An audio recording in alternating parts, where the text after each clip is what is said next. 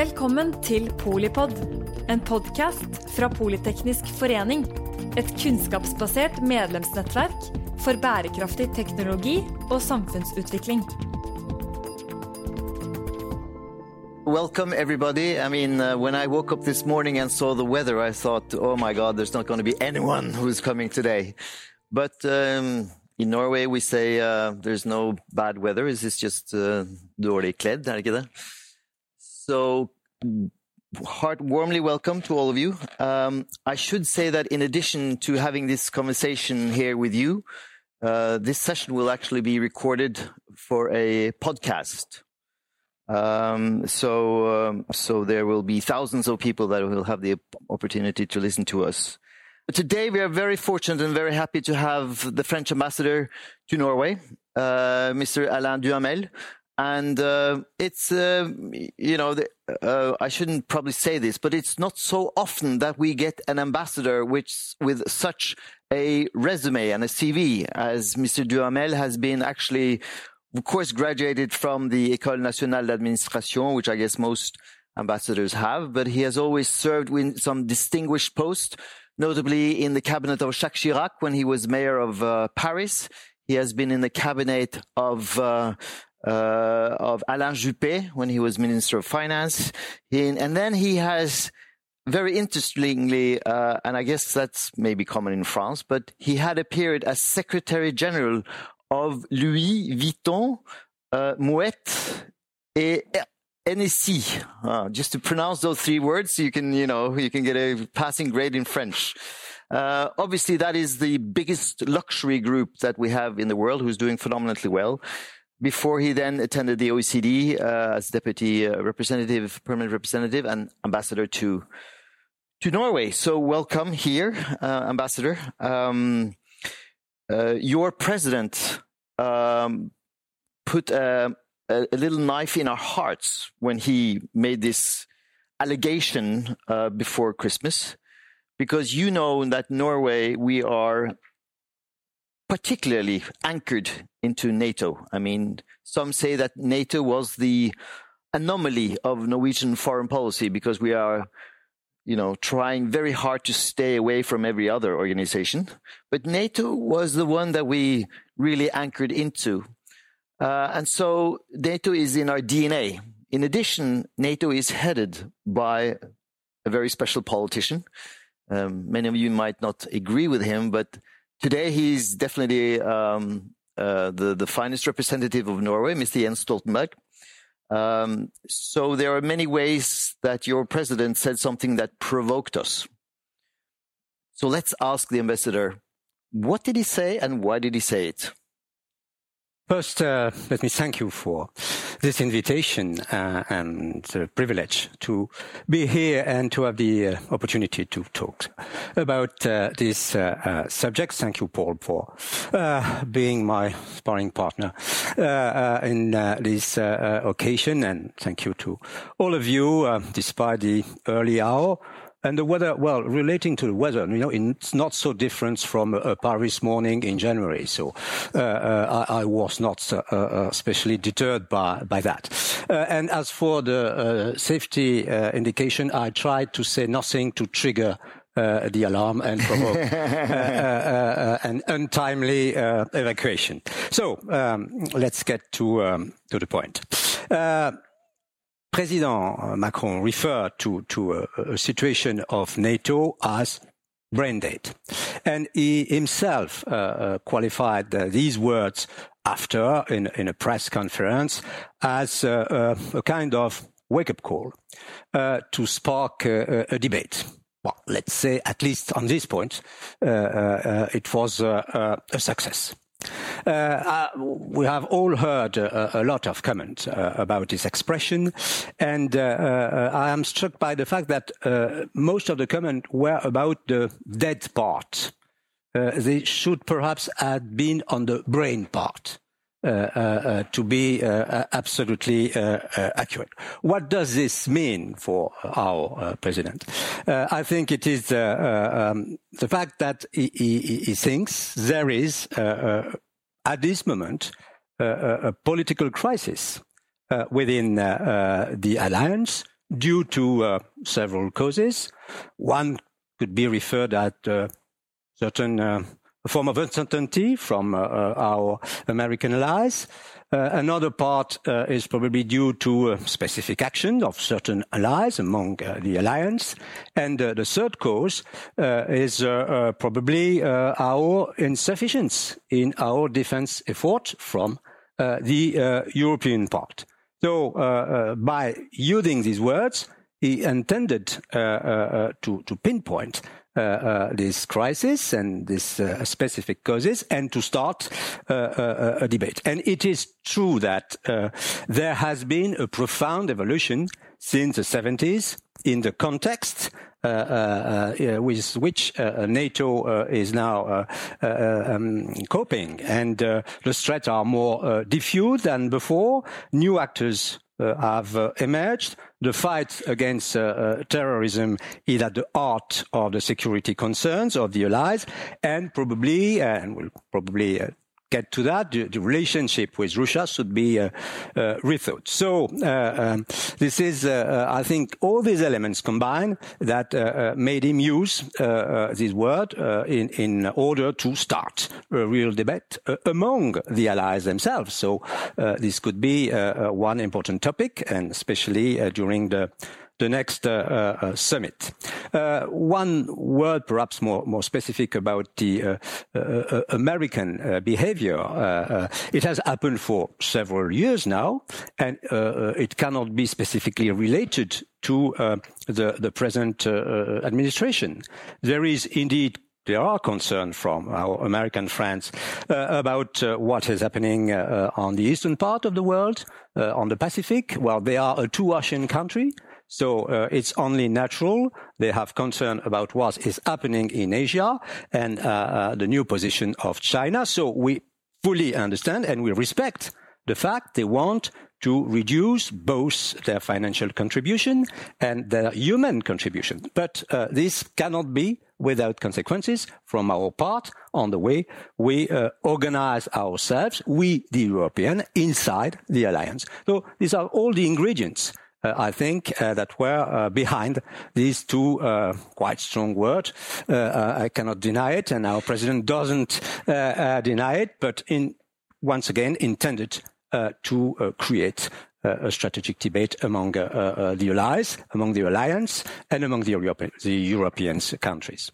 So you say that he was actually quite satisfied with the fact that he was able to provoke a debate. But we also saw that Angela Merkel and other European allies came very much in line um, with the old school that um, uh, it doesn't change our commitment to NATO. So would you say he was disappointed with the reactions of his European partners, or did this did it deliver what he wanted? Uh, I think uh, there is nothing uh, uh in uh, the president's thoughts that uh, should indicate uh, uh, we have a, a, lesser commitment to NATO. If you have read uh, uh, his interview uh, in The Economist, I'm sure you have, there were more than two words. Uh, were not only brain and debt.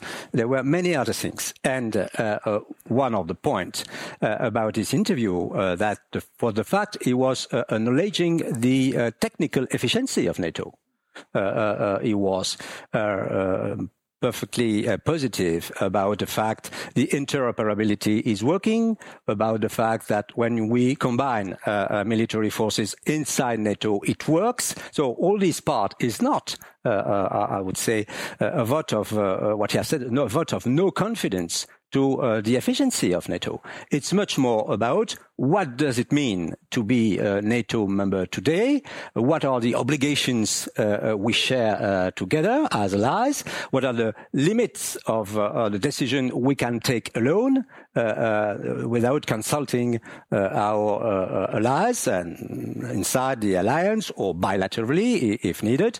So I don't think he was surprised by the reaction of his major colleagues on the European scene. But what I think has been interested, interesting about the, the, the outcome is what has been decided at the NATO summit uh, uh, in London, where uh, one part of the agenda was predictable, uh, has been discussed about uh, the burden sharing and the level of financing by each country. The other part was uh, um, a first move to have a real strategic discussion about the future of NATO, how we should reflect on that. And uh, this is a job that was uh, tasked to uh, Jens Stoltenberg, uh, uh, who is now uh, in the process of organizing a working group uh, Uh, and to deliver uh, in the coming months uh, a first paper about uh, NATO strategy for the future. So this was uh, one of the main outcome wished by President Macron. So I cannot indeed say what will be the result of that. Yeah. probably it will be a, a very hard and important discussion, but at least there is a process. So the brain is not mm. dead anymore. No, exactly. Now, you don't have to be very francophone to uh, to agree that Macron is a bit more sympathetic than the American president of the time being. Uh, would you say I that? I cannot uh, comment on that. No, I, that's why. That's why it's not a question; it's an assertion. Yes. I cannot deny it. But but from the outside, it is. It seems like. I mean, Macron falls in the tradition of um, Gaullist uh, foreign policy, in a way, defense policy, and France kicked NATO out of Paris. You pulled out of the military um, command structure, etc. Uh, is Macron? We from the side, it looks like Macron wants to benefit from this position, these times when America is led by such a villain, uh, to advance the idea of a stronger European de- defense. So, what is the most brain dead, the EU or NATO? in terms of defense policy? Well, uh, perhaps, uh, uh, and this is, uh, I think, uh, uh, a very uh, important uh, uh, point to, to bear in mind. There, there is, first, I think, a, a, real difference of nature between NATO and EU. Uh, NATO, and it's a very important uh, uh, organization indeed, is a, a military alliance designed uh, uh, uh, as a major initiative to face the emergence of the Cold War after World War II, and it was intended to, to shape a collective response to the threat posed by the USSR. Uh, after the war when uh, it appeared that uh, Stalin, uh, uh, a real villain, that one, uh, had no intention to respect his commitment as agreed during the Yalta Conference through uh, uh, um, its declaration of a liberated Europe. Uh, we have not forgotten this word uh, to create democratic institutions of their own choice, established uh, the earliest possible uh, through free election, government responsive to the will of the people. This was the word signed by Stalin in Yalta. And well, we know what happened after. And the Atlantic Charter, Uh, uh, adopted uh, uh in 1949 was in fact the sole post-Yalta claim to the right of all people to choose the form of government under which they will live. And this opened a debate in Western countries to join or not to join NATO. In Norway, uh, and uh, I uh, uh, saw that in very interesting readings I've made recently. Uh, uh, this debate was triggered by the coup de Prague, Berlin's blocus, and the Soviet pressure to obtain a, a, declaration of neutrality by, by Finland. And uh, uh, all these uh, elements were summarized at the time by the formula you all know before Norway goes under. Uh, which means it was probably the next move, possible next move, uh, uh, to uh, uh neutralize uh, a large part of Europe. So you took the decision to go into NATO, and, and, we did the same at the time. So we must have in mind the origin of NATO. It's interesting to remember how the first Secretary General of NATO described the purpose of the alliance. Uh, uh, it was not uh, a Norwegian. it was a British, Lord Hastings of Ismay, and he said at the time, the purpose of NATO is to keep the Soviet Union out, the Americans in, and the Germans down. So at least we can say things have evolved a bit uh, uh, since the origin for, uh, for obvious reasons. This is for the purpose and, and, and the origin and, and, the role of NATO, and obviously there is room for uh, a strategic reflection about that. EU uh, is a completely different project, not antagonist, obviously, but it is first and foremost a political one. And uh, uh, as we all remember, in the 18th century, in the 19th century, in the 20th century, wars have not been imported in Europe. Uh, we were perfectly able to make that on our own uh, and we were fighting against each other, and this increased till the barbarity of uh, uh, First World War and Second World War. So by, by building a common house and intermixing uh, our economic and trade interests, the founding states of the EU decided this could never happen again, and we have established peace among ourselves. So EU is not strictly speaking, an alliance, neither offensive, indeed, nor uh, uh, even uh, defensive. It is by itself an achievement of peace, based on the recognition that we have more uh, uh, in common. Our democratic institutions, our belief in the rule of international law, uh, and also among our, com- our common values, the fact that we believe the the person is at the center of our uh, social and political me, organization. Me, I have to um, interrupt you a little bit, just a, a, small thing. Yes, all that is obviously true, but there is something called Article 4.2, I think, or 4.1 in the Lisbon Treaty. Yes. And when Paris was struck with a terrorist in 20, two years ago, three years ago, Hollande went to Brussels to the EU to evoke that article instead of NATO. So the EU has evolved in its yes. defense thinking. Yes, and uh, this is the, the, the, very heart of the debate you were referring to uh, in, in, in your first question. Is it enough uh, to have achieved peace among ourselves? And some people may say, yes, uh, uh, it's almost a miracle.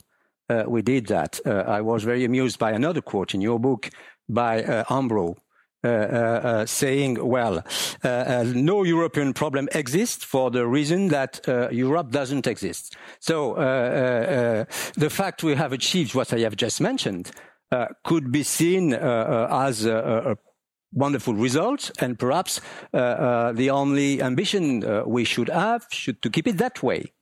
But and this is indeed the French position. We think Europe could also be an answer to some of the major challenges of our time.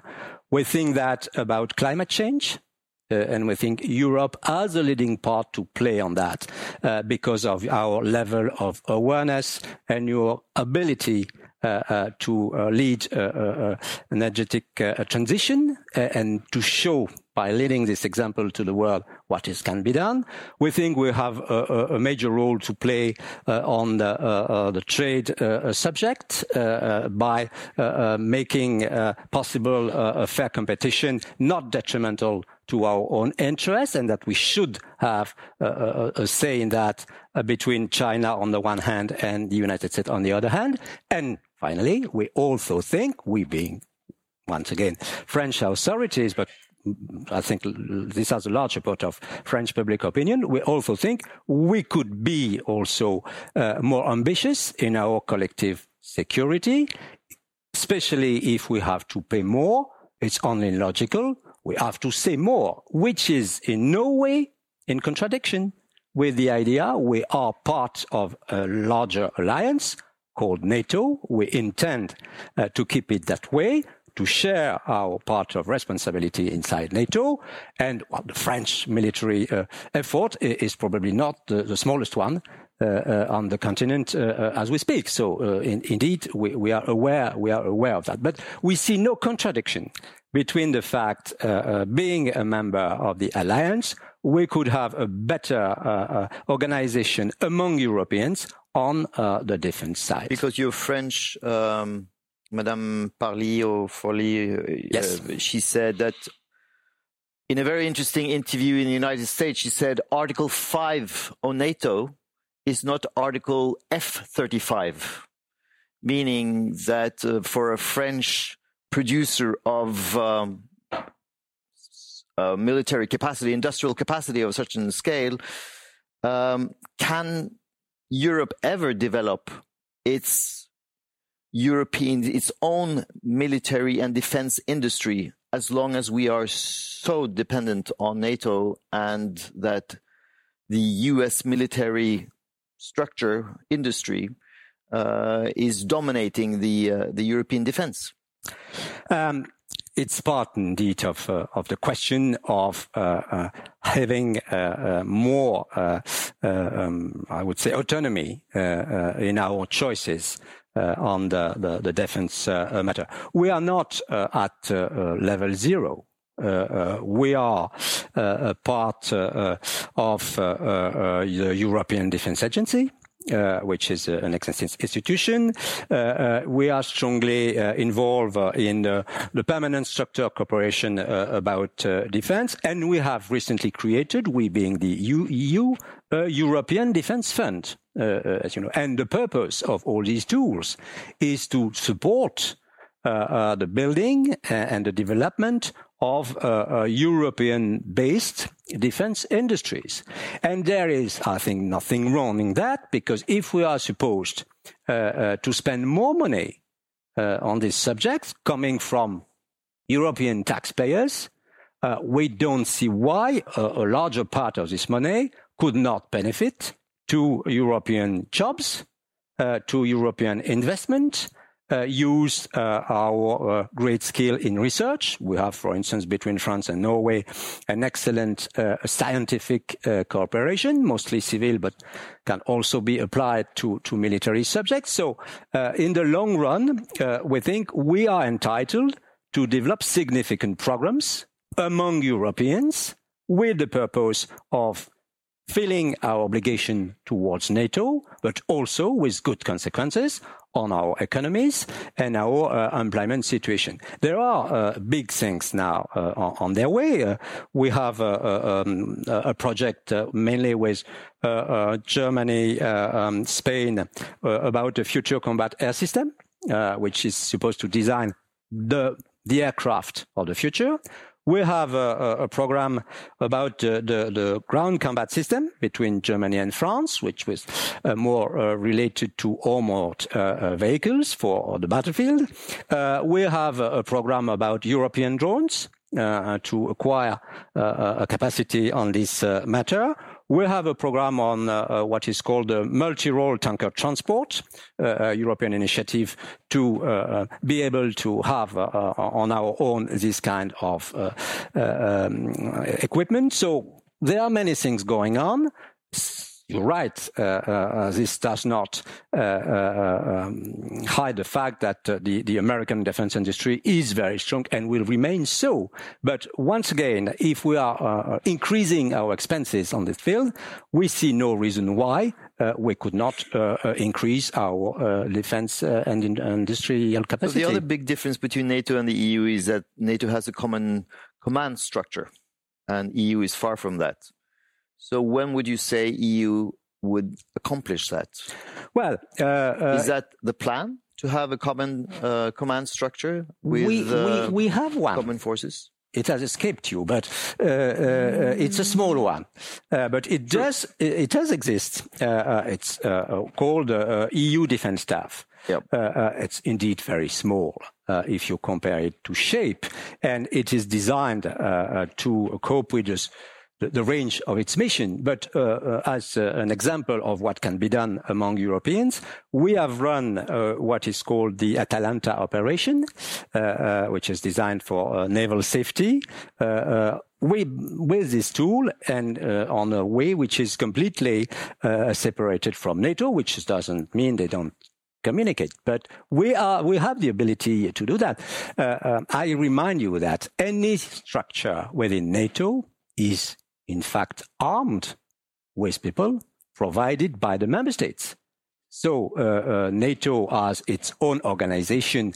I would say it's a bureaucratic organization. There is no uh, uh ill meaning uh, uh, in this word because I love they, bureaucracy. I've but they give, they give, up sovereignty to a common command structure under the American general. And when will Europe, you think, have similar, similar structures? Because only then can they become more potent and probably uh, uh, this is a, a question that uh, could uh, find its answer uh, in the near future. We are now discussing about uh, what could happen in Africa. Yeah.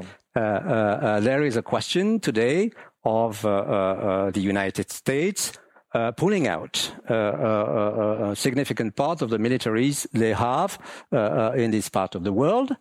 we believe there is a real threat there. That's why you have a quite a large number of French soldiers involved uh, uh, in a huge operation uh, in the Sahel.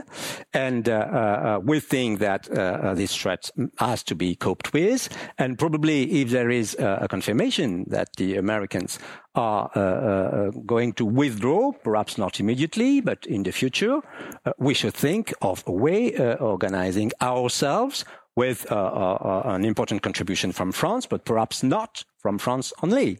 And this is a question that has been raised yesterday in Pau, uh, in the summit where uh, uh, President Macron had a meeting uh, with the uh, African head of state uh, of this part of the world. So this is a good example of what could be necessary in the near future if we want to stabilize a region and avoid the consequences that could be huge on the, the, African continent and maybe on this side of the Mediterranean.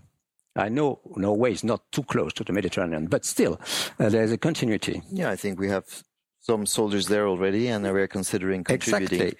Now, looking at more this, um, I wouldn't call it rivalry, but this situation where the EU, where Europe is starting to define what could be a future defense. We are experiencing Brexit.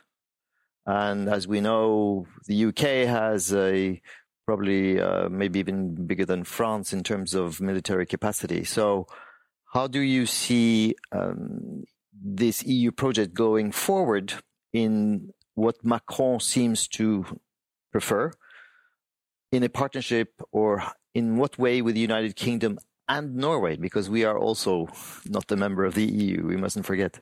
You're right, uh, but uh, I think it's fair to say that uh, even when uh, the UK was a full member of uh, uh, EU, uh, it was not necessarily keen on the idea of a tight military cooperation inside the EU. This has not prevented us of having a strong military cooperation with UK on a bilateral way. And uh, I was speaking about uh, what we are doing in uh, Sahel, Mali, and the other countries. We have there huge support uh, from our British friends.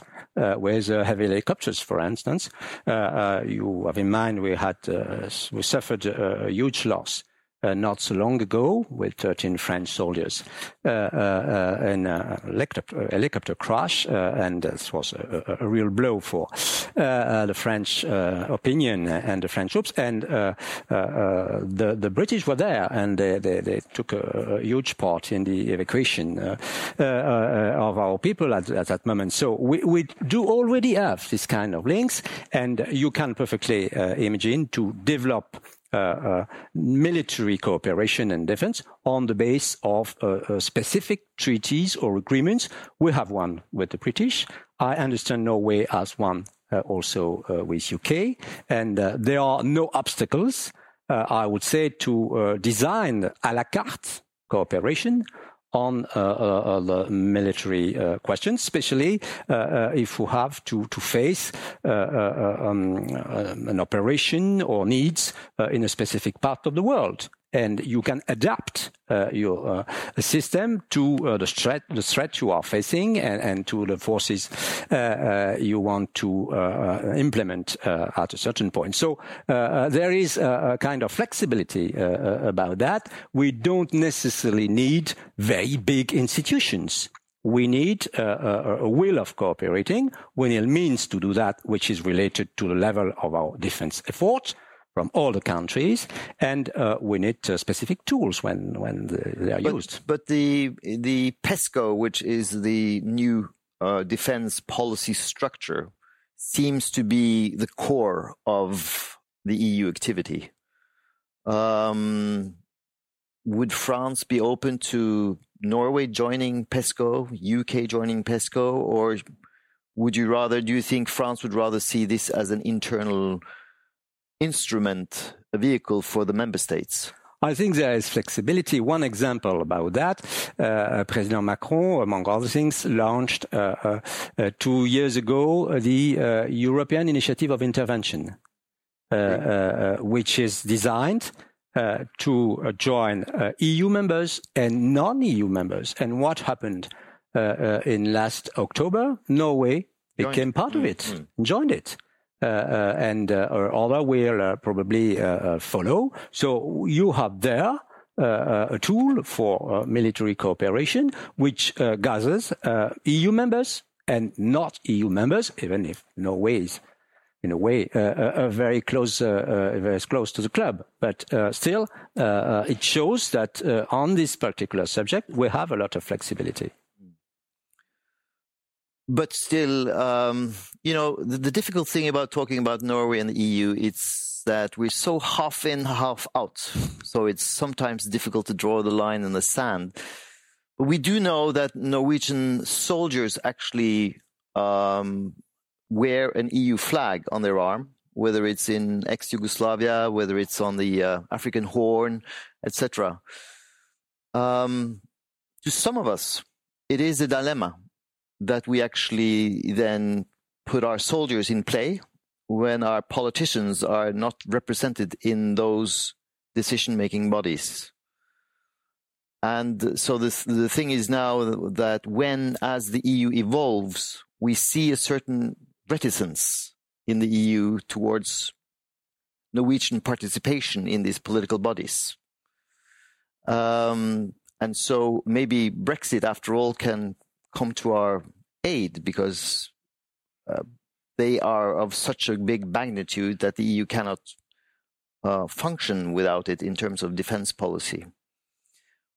You see this dilemma? I, I understand it. And, uh, well, uh, the first thing is I think we, we have all uh, to respect uh, sovereign decisions uh, when they are taken by uh, the people. And remember twice, Norway's people took a, a, clear decision about EU membership, and more recently, UK people took a decision about that. Does it make impossible for us to recognize we have common interests uh, on specific subjects and to organize ourselves on a, a I would say, a free will basis uh, uh, to make sure these interests are uh, taken in account and uh, that we commonly make efforts uh, for supporting these interests. And I field, uh, the military uh, uh, uh, defense field, uh, um, is, uh, I think, quite. Um, it's a huge possibility for that. So we have given some example in our conversation about the way it can be done, and I'm sure uh, uh, facing uh, different kind of threats uh, as we do, uh, we will find other in the future, and we also can uh, find industrial cooperation.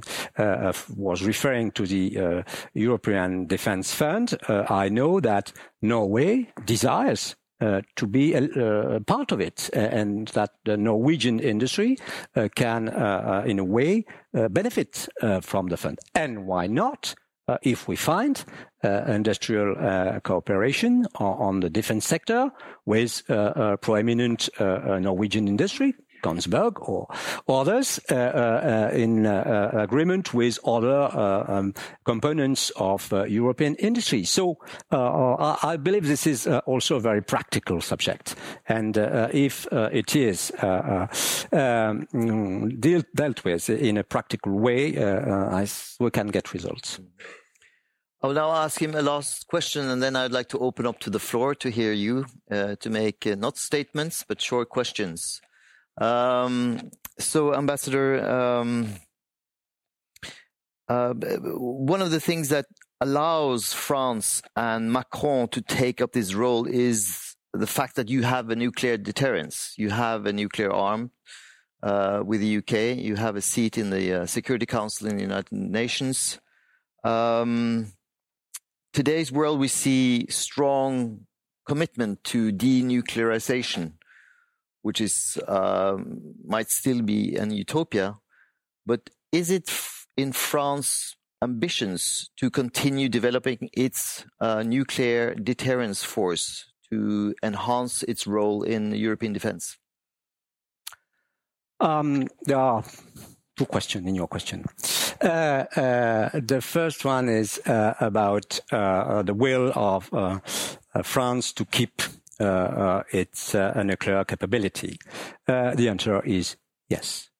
There are no debate in France in whatever part of the public opinion and the political scope about us being able to defend ourselves, including at uh, uh, this level if uh, needed. So it's, I would say, a key component of the defense consensus in France.